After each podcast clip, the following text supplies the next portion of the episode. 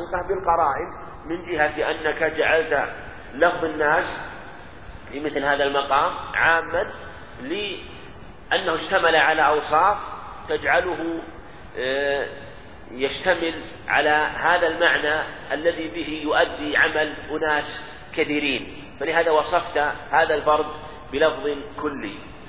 وقرينته عقلية لا تنفك عنه.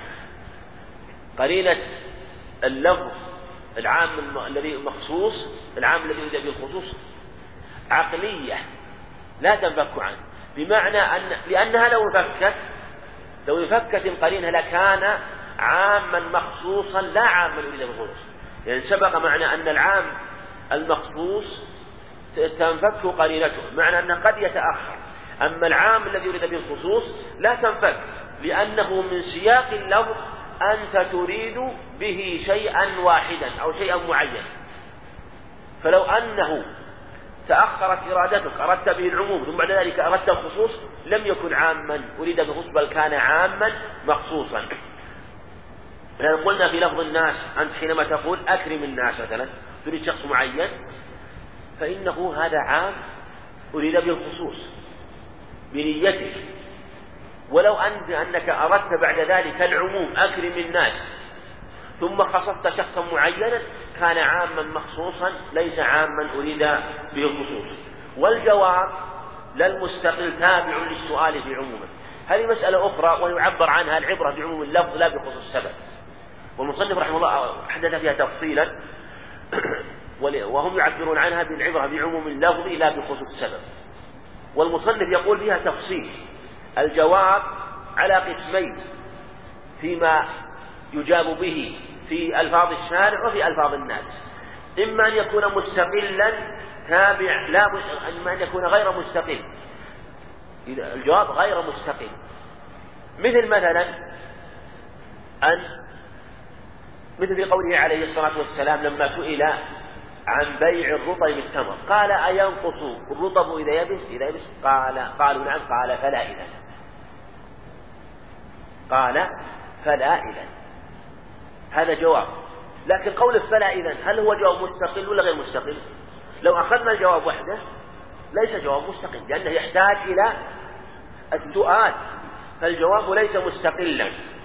ففي هذا يقولون يتبع السؤال في عمومه وخصوصه. إن كان السؤال عاما فهو عام إن كان خاصا فهو خاص. فمن مثل هذا الحديث السؤال عام لأنه سئل النبي صلى الله عليه وسلم عن بيع الرطب بالتمر. فكان السؤال عاما فكان الجواب أن قال فلا إذا فهو عام. إذا فكل من أراد بيع الرطب بالتمر نقول لا إذا لأنه سئل لم يسأله شخص سئل على صيغة العموم. صيغة الخصوص مثلا في هذا قال سأل رجل النبي صلى الله عليه وسلم سأل إنسان قال أبيع الرطب تمر قال ينقص الرطب؟ إذا قال لا تبع إذا لو قال لو كان حليف هذا قال لا تبع إذا هذا جواب خاص ولا عام؟ خاص خطاب لرجل معين. معين والجواب غير مستقيم. إذا يكون هذا الجواب خاص بهذا الرجل. ولو قال سأل إنسان النبي يعني قال أتوضأ بماء البحر؟ قال أو قال هل يجزئني الوضوء بماء البحر؟ سأل رجل قال يجزئك. يجزئك. الجواب هذا غير مستقل لو أخذ يجزئك وحدها جواب غير مستقل لا يفيد إلا مع السؤال. ثم هو خطاب لشخص معين فيكون الجواب خاصا. وهو بالحقيقة حينما يقولون خاص من جهة سياق اللفظ وإلا من جهة الحكم الشرعي هم يقولون يعمه ويعم غيره. لأن العبرة بعموم اللفظ لا بخصوص السبب. لكن يقولون خاص فيها من جهة سياق اللفظ هو خاص. ولهذا لو لم يأتي أدلة تدل على أن حكم الواحد حكم الجماعة كان خاصا بهذا الرجل. ولهذا نقول إنه وإن كان خاصا له في الجواب قال يجزئك أو قال لا تبع. حينما أو قال فلا إذن أو فلا تبع. فلا تبع الرطب بالتمر. هم يقولون العموم ليس من جهة الحديث. مو من جهة لفظ الحديث العموم من جهة الأدلة الأخرى التي دلت على أن حكم الشخص الذي يخاطبه النبي صلى الله عليه وسلم حكم غيره. فعلى هذا هل يأخذ عموم الناس هذا الحكم من جهة عموم الدليل أو من جهة القياس؟ موضع خلاف. من جهة عموم الدليل أننا أننا مأمورون أن المكلفين مخاطبون بخطاب هذا الشخص. لقوله عليه الصلاة والسلام إنما قولي لرجل لامرأة كقولي لمئة امرأة. فلهذا الحكم عام. لكن هم يفصلون في أشياء وهي في الحقيقة ويضربون أمثلة هي لا وجود لها. فلهذا يقولون في, في هذه الحالة إذا كان الجواب غير مستقل فإنه يتبع السؤال في عمومه وخصوصه. ولقال في عمومه وفي قول وخصوصه. ولهذا القول الثاني أنه في الحقيقة عام من جهة هذا الحديث. وهذا هو الذي أجاب أحمد رحمه الله حينما سئل مثل هذا أن الرسول عليه السلام إذا سأله إنسان عن مسألة عن قضية فهو عام له ولغيره. هذا هو الصواب. سواء قيل إنه عام من جهة الحديث أو من جهة الأدلة الأخرى اللي أمرت ب أن أمره لواحد أو تكليفه لواحد أمر لعموم الناس ما لم يدل دليل على التخصيص. وإن قال إنسان هذا خاص لو قال إنسان هذا خاص بهذا الرجل نقول ما الدليل؟ ما الدليل على التخصيص؟ فالأصل العموم. والمستقل يعني الجواب المستقل. إن ساوى السؤال يعني في عمومه. وخصوصا يعني تابعه فيما فيه. يعني تابع السؤال فيما فيه يعني من منهما يعني من العموم والخصوص من العموم إن كان السؤال عاما فالجواب عام. إن كان السؤال خاص فالجواب خاص. هذا في الجواب المستقل. مثاله مثلا يعني في الجواب المستقل لو أنه لما سئل عن ماء البحر قال أنا أتوضأ الماء البحر؟ قال هو الطهور ماؤه. هو الطهور ماؤه. لهذا إحنا نقول هذا جواب مستقل في البحر. البحر هذا جواب مستقل بدون السؤال. وسئل عن والسؤال عام. لأن ما في إنسان سأل إنسان سئل عن لكن لو كان السؤال سأل رجل النبي صلى الله عليه وسلم عن ماء البحر فكان الجواب قال قال هو الطهور ماؤه. هو الطهور ماؤه. جواب مستقل والسؤال خاص.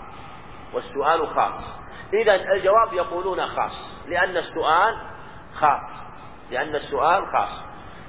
فلهذا يتبع السؤال لأنه السؤال كالم... يعني الجواب كالمعاد السؤال فيتبعه في عمومه وخصوصه. والمعنى أيضا كما سبق أنه إذا كان في الجواب غير المستقل نقول أصل العموم فكذلك في الجواب المستقل من باب أولى لكن كما سبقهم يقولون من جهة سياق اللفظ أنه لفظ سياق سياق خاص. لو لم يأتي دليل على الاحتساء وأن المكلفين إذا خطب إنسان يعم وهو يعم غير لم يكن دليلا على العموم بل يكون خاصا بهذا الرجل هذا مراد. وإن كان أخص يعني كان الجواب المستقل أخص اختص به السؤال. لو أنه مثلا سئل عن المياه سؤال قال سئل عن المياه قال عليه الصلاة البحر هو الطهور ماءه والحل ميت البحر هو الطهور ماء الحل ميت الجواب الآن سئل هو عن الماء عموما عن ماء البحر وغيره. كان الجواب؟ خاص. قال هو الطهور ماء قال البحر والطهور ماؤه. فالجواب خاص. فلهذا يقولون اختص به السؤال ولا يكون عاما ولا يكون عام من جهة سياق اللفظ وأنه خاص بمن سأل لأنه كان يقول أن ماء البحر طهور لك. يعني لما لم يكن عاما اختص إذا إذا إذا كان الجواب ليس بعام اختص. وإذا كان الجواب المساوي خاص فالجواب الأخص من باب أولى أنه خاص. ويأتي فيما سبق أنه إذا كان الجواب خاصا ولم يأتي تخصيص لمن سأل فالأصل العموم لعموم الأدلة. وإن كان أعم الجواب أعم من السؤال. لو سئل عن ماء البحر. أو مثلا في الحديث أنه سئل عن ماء بضاعة مثلا في الحديث أنه سئل عن ماء بضاعة وما يطرح فيها من الجيف ومن الحيض والقدر. فقال عليه الصلاة والسلام إن الماء طهور لا ينجسه شيء جواب مستقل عام. والسؤال عن ماذا؟ عن ماء بئر بضاعة واحدة والجواب عام عن المياه. فهذا السؤال فالجواب أعم من السؤال. أو ورد على سبب خاص يعني أيضا إذا كان ورد على سبب خاص. بلا سؤال بلا سؤال. مثل مثلا مثل أنه عليه الصلاة والسلام مر بشاة ميتة فقال إذا دبغ الإهاب فقد طهر. سبب سبب هذا الكلام أنه رأى هذه الشاة. لكن هل هم سألوه؟ لو سألوه لجاء فيه ما جاء فيما سبق. إن كان السؤال خاصا أو سأله إنسان فالجواب خاص. إن كان السؤال سئل مثلا عن الشاة جلد الشاة ميتة كان الجواب عاما إذا كان الجواب بلا سؤال فإنه يكون حكمه حكم جواب العام للسؤال. إذا عندنا الجواب في النازلة الخاصة بلا سؤال والجواب العام للنازلة عامان يقول المصنف رحمه الله. يعني بنفس سياق اللفظ فالعموم عنده في مسألتين إن كان الجواب أعم من السؤال أو كان الجواب ورد على سبب خاص ولم يكن عن طريق السؤال بل هو الذي أجاب به ابتداء عليه الصلاة والسلام مثل ما قال إذا دبغ الإهاب فقد طهر أو في قول هل أخذتم إهابة فدبغتموه فانتفعتم به لما مروا بشاة يجرونها؟ فهو أجاب بهذا عليه الصلاة والسلام ولم يسأله عنه فيكون الجواب عاما. بلا اعتبر عمومه يعني لم يعتبر خصوصه. من سياق الجواب. رحمك الله. وعلى هذا يكون العموم فيه من جهة شيئين. من جهة السؤال. الجواب العام ومن جهة عموم الأدلة التي دلت على أنه حكم. هذه المسألة حكم آه، على أنه آه، أنه عليه الصلاة والسلام إذا أجاب لأناس أو أجاب لأشخاص بلا سؤال فجوابه لهم جواب لغيرهم. وصورة السبب قطعية الدخول. السبب سورة السبب قطعية الدخول. ولهذا مثلا في آية الظهار قصة حوله أوس بن الصامت آيات اللعان مثلا هلال بن أمية أو عمر العجلان على الخلاف هل نزل في هذا أو في هذا؟ سورة السبب وهي النازلة في قطعية الدخول. نعم. يعني من يقطع بدخول بدخوله بنص الآية لأنه ورد التوحيد غيره من الناس على سبيل العموم. يعني ممكن تقول هو داخل في الآية على سبيل النص. ولهذا نقول مثلا هذه نص في قصة مثلا عويمر العجلاني وهلال بن أمية على الخلاف. هذه القصة هذه هذه هذه الآيات نص في قصة قصة اللعان هذه. هذه الآيات نص في قصة الظهار في قصة خولة أو أوس ابن الصامت. نص. غيرهم من الناس على سبيل العموم ولن يقول نص عام.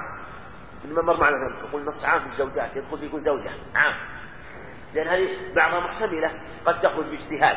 أما هذه القصة فهي نص في دخولها في صورة السبب لأنها نزلت فيها أو كان الجواب بهذا السبب.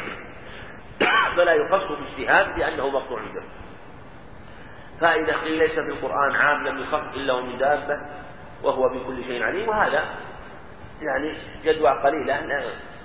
وأختلف في هذا وبعضهم قال إن هذا يعني أورد على مثل هذا بعض الأشياء وأن هنالك عمومات أخرى لم لم تخص غير ما ذكره رحمه الله والله أعلم.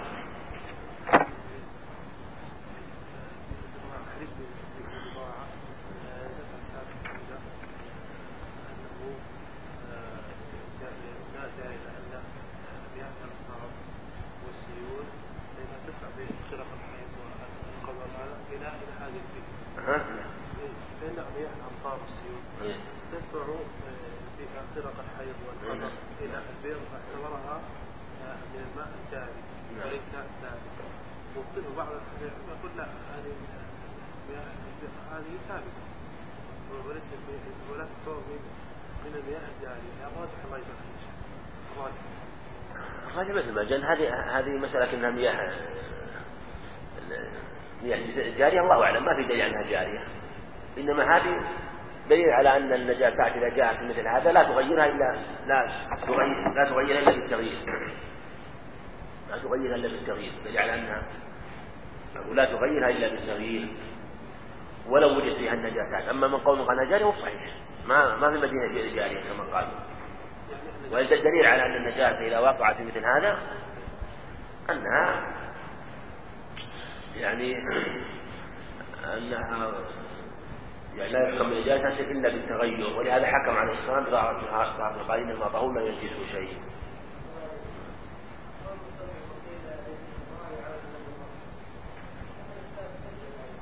إي نعم رد هذا رحمه الله وشوف.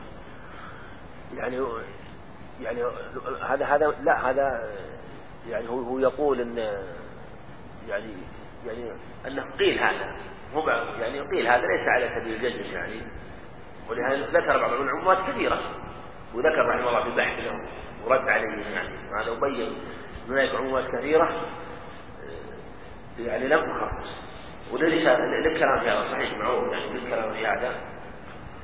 لكن هم هم يعني كأنهم أرادوا شيئا ثانيا. يعني كأنهم يشبه أنهم أرادوا شيئا ثانيا. ولهذا هو يقول إن العموم كل عموم كل شيء بحسبه عموم كل شيء بحسبه اذا أخذت على هذا فإن الأشياء على عمومها على عمومها. جار في صفات الله وجار في أشياء ذكر رحمه الله.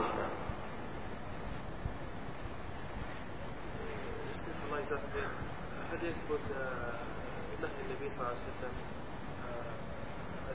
عن اكل بطون الطيور ثبت هذا؟ هل ثبت النهي عن نهي الله عليه وسلم لاكل بطون الطيور. بطون الطيور. بطون الطيور؟ التي يصلها على ما في بطون الطيور.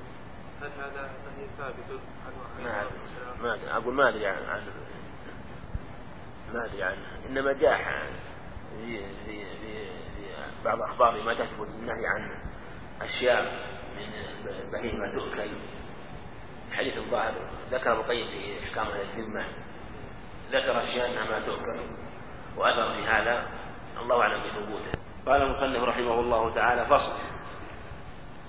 يصح يصح إطلاق جمع مشترك ومثنى كمفرده على كل معانيه. هذا البحث البحث المشترك. وهل يصح إطلاق جمع المشترك على كل معانيه أو لا يصح؟ ذهب الشافعي وجماعة إلى أنه يصح إطلاق جمع المشترك ومثنى على كل معانيه كمفرده. تقول مثلا هذه عيون محمد العين يطلق على الذهب والفضة ويطلق على العين الجارية ويطلق على العين المبصرة. تقول عندي عيون. على أن الشافعي جماعة يصح هذا القول. بمعنى أنك تقول عندي عيون بمعنى أن عندك عين تبصر بها وعندك ذهب أو فضة أو هما جميعا وعندك عين جارية. من باب إطلاق المشترك على معاني على كل من إطلاقا واحدا. والمسألة فيها خلاف كثير لكن هذا هو أشهر الأقوال. القول الثاني أنه لا يصح إطلاق المشترك على معانيه أو على معنييه أما إطلاق المشترك على أحد معانيه هذا جائز بلا خلاف تقول عندي عين تريد العين المبصرة عندي عين تريد الذهب والفضة عندي عين تريد العين الجارية وهكذا. هذا صحيح. لكن خلاف في إطلاق على المثنى على المعنيين وعلى الجمع وعلى الجمع. والأظهر يعني والذين قالوا يصح إطلاق المشترك قالوا أيضا هو في الأدلة الشرعية كذلك. في قوله تعالى مثلا أو لمستم النساء أو لامستم النساء على القراءتين ذهب جمع من العلماء قالوا إنه باب المشترك الذي يشمل جميع معانيه. فيشمل الجماع واللمس. إطلاقا واحدا. فباللمس يجب منه الوضوء والجماع يجب منه الوضوء. كذلك في قوله إن الله إن الله وملائكته يصلون على النبي. قالوا إن الصلاة اسم مشترك من الله معنى الرحمة ومن الملائكة معنى استغفار وهما معنيان متغايران وجاز إطلاقه عليهما من باب إطلاق المشترك على كل معانيه وذكروا أدلة في هذا المعنى. والقول الثاني أنه لا يصح وهذا اختار الله ابن القيم رحمه الله وأن لا يصح إطلاق المشترك على كل معانيه إطلاقا واحدا وبينوا هذا وبطلان هذا بأدلة كثيرة. وهذا رجحوه وذكروا ما يبينه ويرجح وهذا القول أقرب بل هو أصح. لأنه لا بد أن تتمايز المعاني. تتمايز المعاني. أما إطلاق المشترك على كل ما إطلاقا واحدا في وقت واحد فهذا لا يصح. ولهذا هم قالوا مثلا يطلق مثلا القر على الحيض وعلى الطهر. قالوا أقرأت المرأة إذا حارت وطهرت. قال يصلح تقول أقرأت المرأة لأن القرب معنى الحيض والطهر بلغة العرب. لكن يقال أقرأت أنت ما أطلقته من باب إطلاق المشترك على معينيه في وقت واحد. تقول إنها أقرأت بمعنى حاضت ثم طهرت أو طهرت ثم حاضت. ليس في وقت واحد أو في زمان واحد. إذا أراد هذا وكان هذا صح في لغة العرب فلا بأس. مع أن القرب جاء ما يدل على أن الاقراء المراد بها الحيض. ولهذا الألفاظ التي يقول علم القيم رحمه الله الألفاظ التي يوهم التي يوهم أنها مشتركة هي ليست باب المشترك من باب المتواطئ من باب المتواطئ يعني أنها اتفقت على معنى وتمايزت في معان أخرى. وتمايزت في معان أخرى. ولهذا ذكر في قوله عز وجل إن الله ولا يصلون على النبي حتى لو قيل إن مثلا لو قيل مثلا إن الصلاة إن الصلاة بمعنى من الله معنى الرحمة ومن الملائكة معنى الاستغفار فإنها في الحقيقة ليس من باب المشترك باب المتواضع يعني لو سلم هذا مع أن الصواب أن الصلاة من الله معنى الثناء وهو ثناء الله عليه وثناء ملائكته وثناء آه، المسلمين في الصلاة عليه معنى إظهار فضله والتنويه بشرفه عليه الصلاة والسلام. لكن لو قيل إن الصلاة معنى الرحمة من الله ومعنى الملائكة معنى الاستغفار فيجمعها مسمى واحد معنى تلتقي في معنى واحد من جهة أن الرحمة والاستغفار آه، آه، يعني أن أن أن أن, أن رحمة الله عز وجل واستغفار الملائكة آه، يعني استغفار الملائكة نوع من الدعاء والرحمة نوع من الدعاء فهما يلتقيان بهذا المعنى ليس من باب مشترك. الذي يتفق في اللفظ ولا يلتقيان في المعنى أصلا. بل بينهما التقاء في شيء من المعنى ويتمايزان في شيء آخر. واللفظ على حقيقته ومجازه ومجاز الراجح مع المجاز.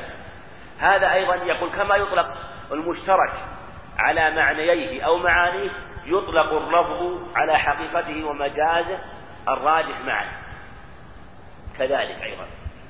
مثل قوله تعالى مثلا يوصيكم الله في أولادكم. يشمل الأولاد وأولاد البنين. مثلا مثل قوله تعالى وافعلوا الخير. يشمل الخير الواجب والخير المستحب. فهو شامل لهما جميعا. وهو في الواجب واجب وفي المستحب مستحب. وهو في الواجب واجب وفي المستحب مستحب. وهم يقولون إنه في الواجب حقيقة وفي غيره مجاز. والولد بالصلب حقيقة وولد الولد مجاز. ولد الولد مجاز. والذين يخالفون في ذلك يقولون إن قوله تعالى وافعلوا الخير حقيقة في الجميع في الحقيقة. حقيقة في الجميع. وليس مجال. لأنه لمطلق الطلب. لمطلق الطلب. ومطلق الطلب يشمل الطلب المطلق يشمل الواجب ويشمل المستحب. فالمستحب مطلوب وجوبا فالمستحب مطلوب استحبابا والواجب مطلوب وجوبا. فكلاهما مطلوب. فجمعهما لفظ المطلق لفظ الطلب. فلهذا نقول إنه حقيقة فيهما وإن قيل يعني على اصطلاحهم أنه كما يقولون من عموم المجاز يطلق معهم كثير من الأصوليين يسمونه عموم المجاز لعموم لشموله لهما لأنه في أحدهما مجاز وفي الآخر حقيقة. لكن التعبير بأنه حقيقة مع أن المراد عموم الطلب أحسن فرارا من المجاز في هذا. وهو ظاهر فيهما. بمعنى أنه إذا قال وافعلوا الخير هل هو المراد بالخير الواجب أو الخير المستحب؟ أو محتمل للخير الواجب والخير المستحب؟ أو مطلوب للجميع؟ نقول لا. إذا جاءنا مثل هذا بلا مرجح فهو ظاهر. ولهذا قال وهو ظاهر فيهما. يعني في على كلام صنف في الحقيقة والمجاز. ظاهر فيه بمعنى أن هذا يظهر من اللفظ بلا مرجوحية وهذا يظهر منه بلا مرجوحية. كلاهما مستويان. إذ لا قرينة ما في قرينة. لو ما في قرينة ترجح مثلا إرادة الواجب ولا قرينة ترجح إرادة المستحب. فيحمل عليهما كعام. كما أننا نقول مثلا هذا لفظ عام لهذا ولهذا لو قال هذا خاص بهذا نقول الدليل عليه؟ نقول إذا هذا عام فيهما وإن كان بلفظ الأمر يشمل الواجب والمستحب. وعلى كلام المصنف رحمه الله آه، في في في الحقيقة والمجاز وعلى قول غيره يكون المراد مطلق الطلب فيهما. فإن تنافيا تنافيا اللفظان. يعني يعني تنافي المعنيان المطلوبان من اللفظ. تنافي المعنيان المطلوبان. كفعل أمرا وتحديدا امتنع. لو قال لو إنسان يحدد له إنسان مثلا يهدده أن لا يفعل هذا الشيء أو لا يقدم على هذا الشيء يقول إن كنت لا تخاف فافعل هذا من باب التهديد افعل. صيغة افعل للأمر في الحقيقة ظاهرها ماذا؟ الأمر. لكن عندنا قرينة تدل على أنه أراد التهديد وسبق معه وسبق لكلام المصنف رحمه الله أن الأمر يطلق ويراد به التهديد. فلهذا إذا تنافيا لا نقال لا نقول إنه يراد بهما الفعل وعدمه الفعل وعدم الفعل. ما نقول مطلوب؟ يعني يتنافى. ليش يقول؟ هو يقول افعل ويريد التهديد. نقول لا, لا نقول إن هذا عام فيهما. ولا نقول إنه من باب عموم المجاز أو مطلق الطلب في الأمر للفعل وكذلك للتهديد للترك لا نقول لا. فهذا لا يصح. والسياق يدل على أنه إما أن يريد الفعل مع التهديد يريد عدم الفعل مع التهديد أو يريد الفعل مع عدم التهديد. وألحق بذلك المجازان المستويان. كذلك أيضا يقول المجازان المستويان وهذا في كل شيء له مجازات متعددة له حقيقة وله مجاز مثلا له أكثر من مجاز.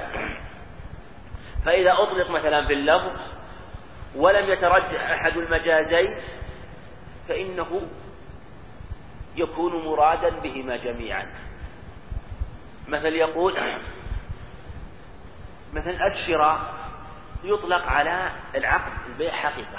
يقول فلان اشترى سيارة بمعنى أنه اشتراها حقيقة أنه عقد بنفسه أنه عقد مع البائع واشترى من السيارة.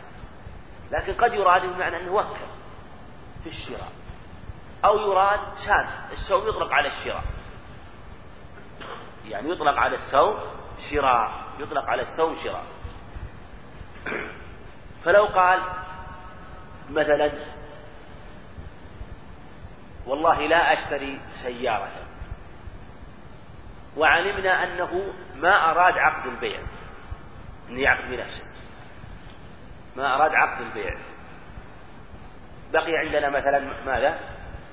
مجازان وهو أن وهو أن يوكل أو نعم؟ أو يسوم إذا نقول قولك هذا والله لا أشتري يشمل هذا وهذا. فلو وكل فلو وكل نقول حلف. ولو شام نقول حلف. ما لم يكن هنالك نية أو قرينة تبين أحدهما فهو مع العموم. ولا قرينة يكون عاما في المجازين المستويين قال المستويان. ودلالة الاقتضاء والإضمار عامة. الاقتضاء والإضمار هو واحد الحقيقة. عندنا مقتضي بصيغة الفاعل ومقتضى بصيغة المفعول. بس كسر الضال وفتحها المقتضي بصيغة الفاعل هو الشيء الطالب للإضمار. والمقتضى هو الشيء المضمر. معنى أن اللفظ يطلب ويقتضي شيئا يضمره المتلفظ. من قوله تعالى حرمت عليكم الميتة حرمت عليكم أمهاتكم. مثلا إن الله تجاوز لأمتي الخطأ والنسيان في أحد الألفاظ. هذه الألفاظ تقتضي أشياء. تجاوز عن ماذا مثلا؟ يعني التجاوز عن ماذا مثلا؟ هل هو في الإثم؟ حرمت عليكم أمهاتكم ما المراد؟ إذا نقول المقتضي إن دل الدليل على إرادة شيء بعينه فإنه يحمل عليه. إذا كان ما أريد إلا شيء واحد النص عليه السلام ويكون في هذه الحالة لا إضمار يكون حكم الحكم إذا كان المضمر شيئا واحدا فلا يكون عاما ولا مجملا ولا شيء. يحمل عليه. وهذا يأتي في بعضهم يقول حرمت عليكم أمهاتكم. يعلم أن المراد بالتحريم ماذا؟ تحريم النكاح. ليس المراد حرمة الاجتماع بالأمهات أو الاختلاط الجلوس معهم أو آه، سائر أنواع لا المراد التحريم حرمت عليكم أمهاتكم وبناتكم وأخواتكم وخالاتكم وعماتكم وخالاتكم يعني لما ساق المحرم دل على أنه أراد تحريم النكاح لما ساقها في مساق تحريم المحرمات. فلهذا مهم أن التحريم للنكاح. في قول حرمت عليكم ميتة هل هو مراد تحريم الأكل أو تحريم البيع اختلف العلماء في الإضمار وفي عموم المضمر. المذهب يقول عامة أن الإضمار عام إذا لم يدل الدليل على واحد من أحد المحتملات أو واحد من المضمرات أو ما اقتضاه النص. لعموم الدليل وليس أحد الاحتمالين أو المحتملين أو المحتملات أولى من الآخر. ما دام فلا نقول إنه مجمل. ما ندري. ما نقول. نقول إنه عام فيها نقول حرمت عليكم الميتة.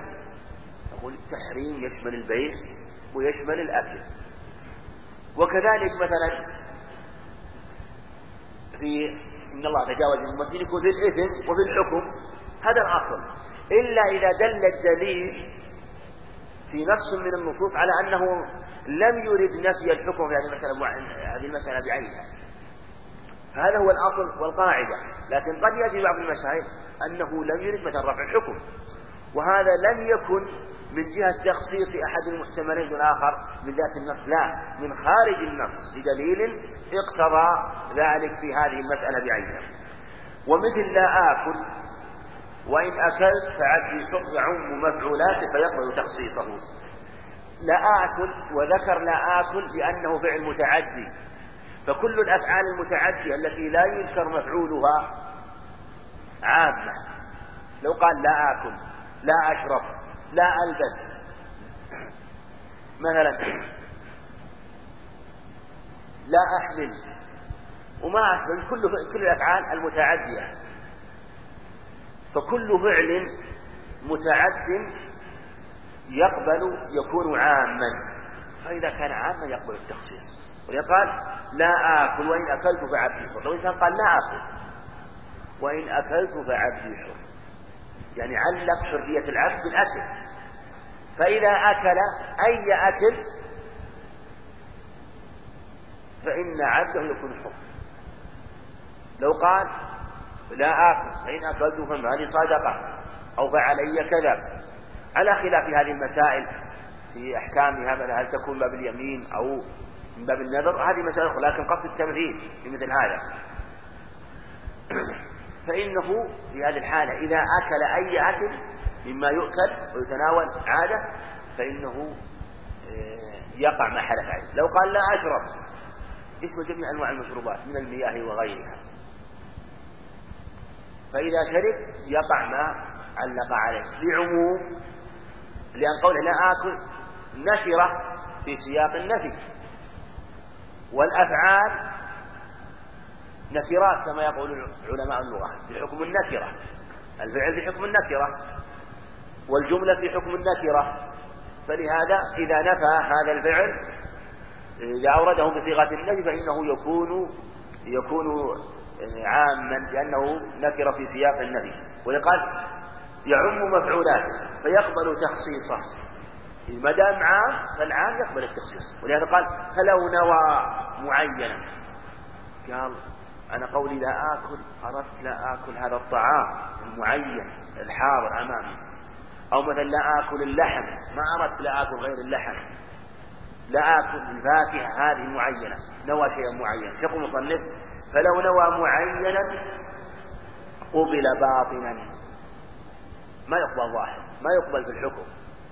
فيما بينه وبين الله لو مثلا لو عند المفتي مثلا أو هو فيما بينه وبين الله لا يلزمه لو قال أنا ما نويت إلا هذا نقول لا يحلف ما دام أنه ما تناول هذا الطعام المعين. لو قال أنا نويت هذا الطعام نقول لا تحنث إلا بتناول وإن لم يذكره في قوله. قوله ظاهرا لأنه في باطنا لأنه ظاهر اللفظ يعني ظاهر لفظ العموم. يعني قال لا آكل ظاهر لفظ العموم ولهذا نقول لا نقبله في الحكم. لو تداعى مثلا هو زوجته هو مولوكه فإنه يقع فقال قال لو لا آكل فإن أكلت فزوجتي طالق لو ادعى قال قال أردت لا آكل من طعامها الذي وضخته لا آكل من هذا الطعام فيما بينك وبين الله في باطل يقبل. لكن عند الحاكم في الدعوة هل يدين أو لا يدين في خلاف. لأن قال قبل باطنا.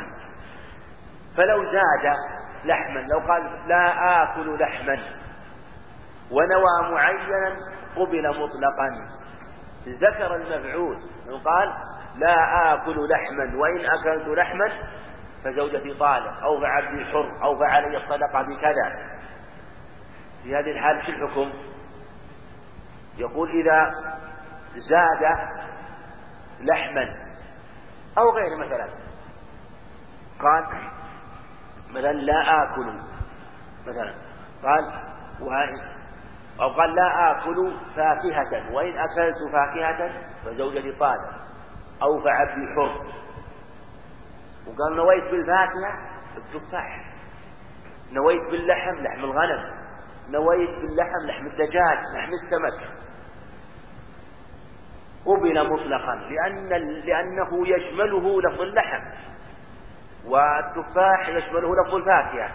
قبل مطلقا باطنا وظاهرا حتى عند في الظاهر وعند الحاكم يلزمه أن يقبل قوله لأنه ادعى ظاهرا ممكنا تلفظ به في قوله والعام في شيء عام في متعلقاته. وهذا يريدون به العموم في الأزمنة والأمكنة والبقاع مثل ما سبق في الخلاف. هل العام في شيء عام في متعلقاته أو أنه في متعلقاته مطلق كما ذكروا في العام؟ والمصنف رحمه الله يقول إن العام في شيء عام متعلقاته. ولهذا مثلا يقول تعالى اقتلوا المشركين. الأمر بقتال المشركين عام في جميع الأحوال. وفي جميع الأمكنة وجميع الأزمنة وجميع أنواع المشركين. بلا استثناء. لا يقبل التخصيص. وإذا خصص بعض المشركين أو خصص بعض الأزمان فإنه خصص لدليل. إما لكونه في عهد أو لكون هذا المسلم تؤخذ من الجزية أو لغير ذلك. وإلا في الأصل أن النص إذا جاء عاما فإنه عام في جميع متعلقاته. ونفي المساواة للعموم.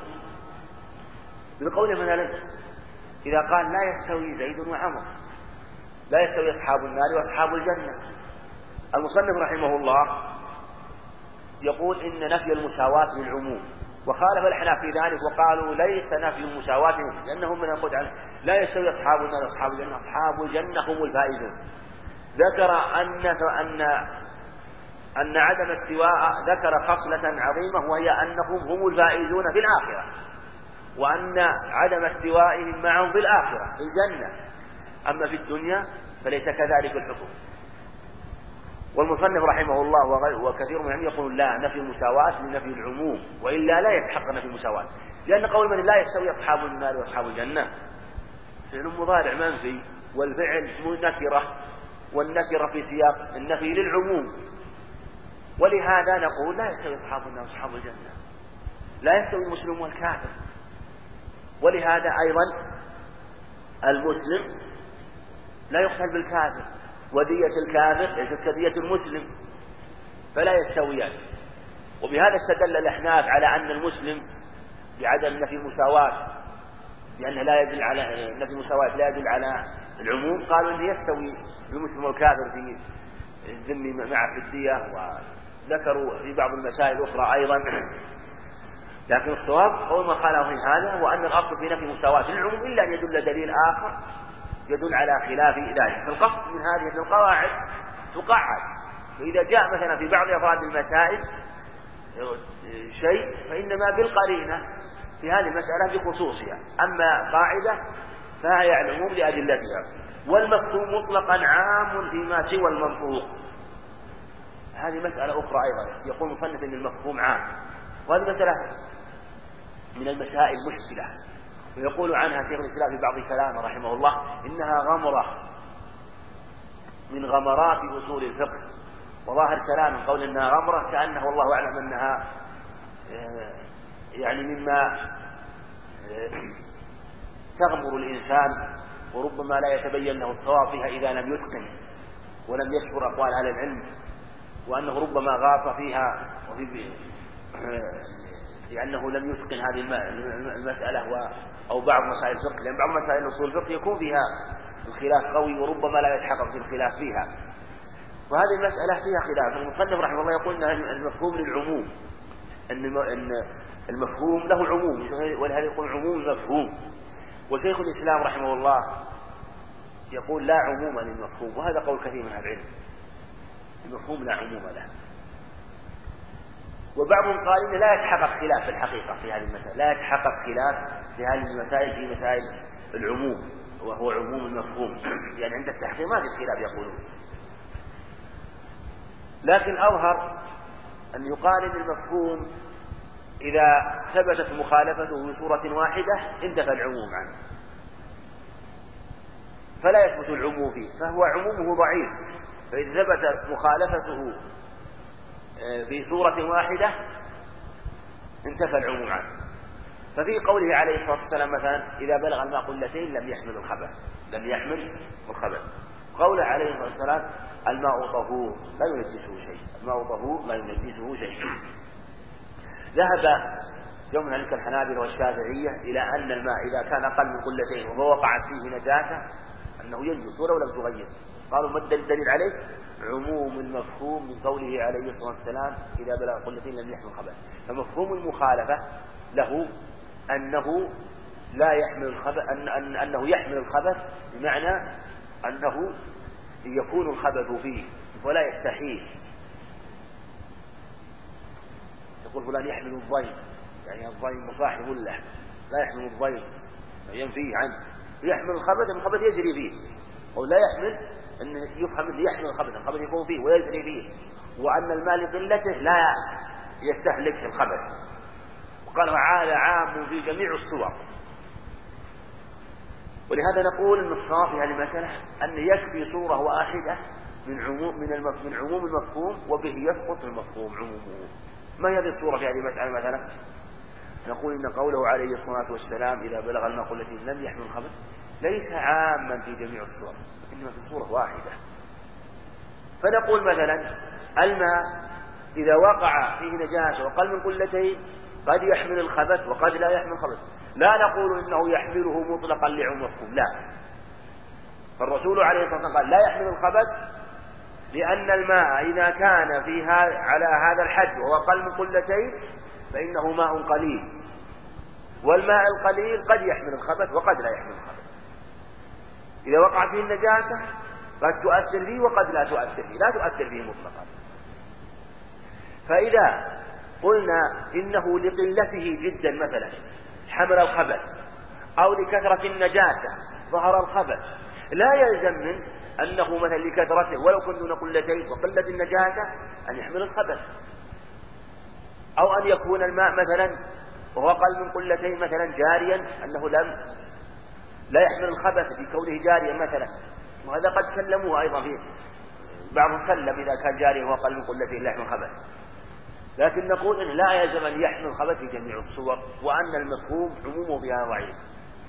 وبعضهم قال إن الأظهر في مثل هذا بحسب دلالة عموم المفهوم وأنه قد يكون عاما في بعض الصور لدلالة النص وقد لا يكون عاما لذات النص. لا ولهذا في قوله عليه الصلاة والسلام لا يحمل الخبث دل على عدم العموم دلالة الأدلة الصحيحة على أن الماء طهور لا ينجسه شيء. هذه أصل عام وقاعدة عظيمة يفزع إليها في جميع هذه الأحوال. إذا قيل هذا الماء وش حكمه؟ نقول أصل طهارته. طيب طيب وقعت بنجاسة نقول الماء طهور لا ينجسه شيء. قال طيب إذا برم قلتين لا يحمل خبث نقول هذا العموم في صورة دون الصور ليس في كل الصور.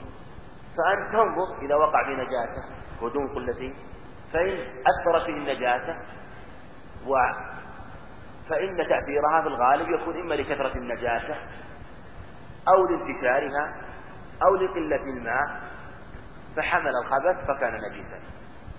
وقد يكون مثلا في حال أخرى أخرى لا يحمل نجاسة مثل مثلا لو وقعت فيه النجاسة وأثرت فيه وهو دون القلتين وأثرت فيه النجاسة.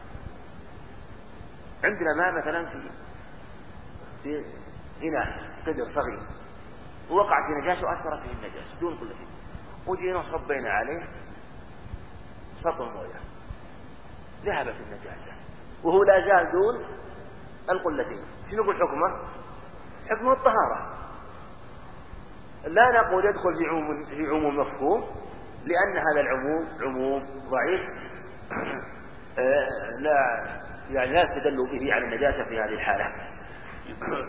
يخص بما يخص به العام. إذا قيل إنه عام يكون حكم حكم العام يخص بما يخص به العام. وهذا ذكر من عموم المفهوم قد يخص في بعض المسائل سواء كان مفهوم المخالفة أو مفهوم موافقة. يعني في قوله عليه الصلاة والسلام في الإبل في الإبل إذا في الغنم إذا بلغت أربعين فيها شاة. هذا عام. جاء في حديث بحث بن حكيم في الغنم في سائمتها. الزكاة إذا كانت إذا كانت أربعين شاة. في السائمة. في السائمة. هذا يخص عموم النص في آه، الزكاة في وجوب الزكاة وأنه خاص يخرج من السائمة دون غيرها. ورفع كل تخصيص أيضا. يقول المفهوم إذا رفع كل التخصيص. لأنه بعض العموم. لأن مثلا في قوله عليه الصلاة والسلام مثلا إذا بلغ الماء قلتين لم يحمل خبث الماء اللي دون قلتين بعض الماء بعض صور الماء الذي في قوله عليه الصلاة والسلام الماء طهور لا ينجسه شيء. في كذلك في غيرها من الأخبار مثلا إذا جاء نص مفهوم في مفهوم ونص عام فجاء مثلا فلو أنه مثلا في قوله عليه الصلاة والسلام مثلا إذا بلغ ما قلتين لم يحمل الخبث فرض أنه جاء دليل بعد ذلك قال إذا كان الماء أقل من قلتين إذا كان الماء أقل من قلتين فإنه يتوضأ به. يتوضأ به. هذا الدليل. نقول هذا الدليل وإن رفع ذاك الدليل اللي هو قلب من قلتين رفعه لا نقول رفع نسخ يقول رفع التخصيص وإن رفعه كله؟ لأن هذا المفهوم بعض العموم في قوله عليه الصلاة والسلام الماء طهور لا ينجسه شيء فيكون الرفع تخصيصا لا نسخا لكن كما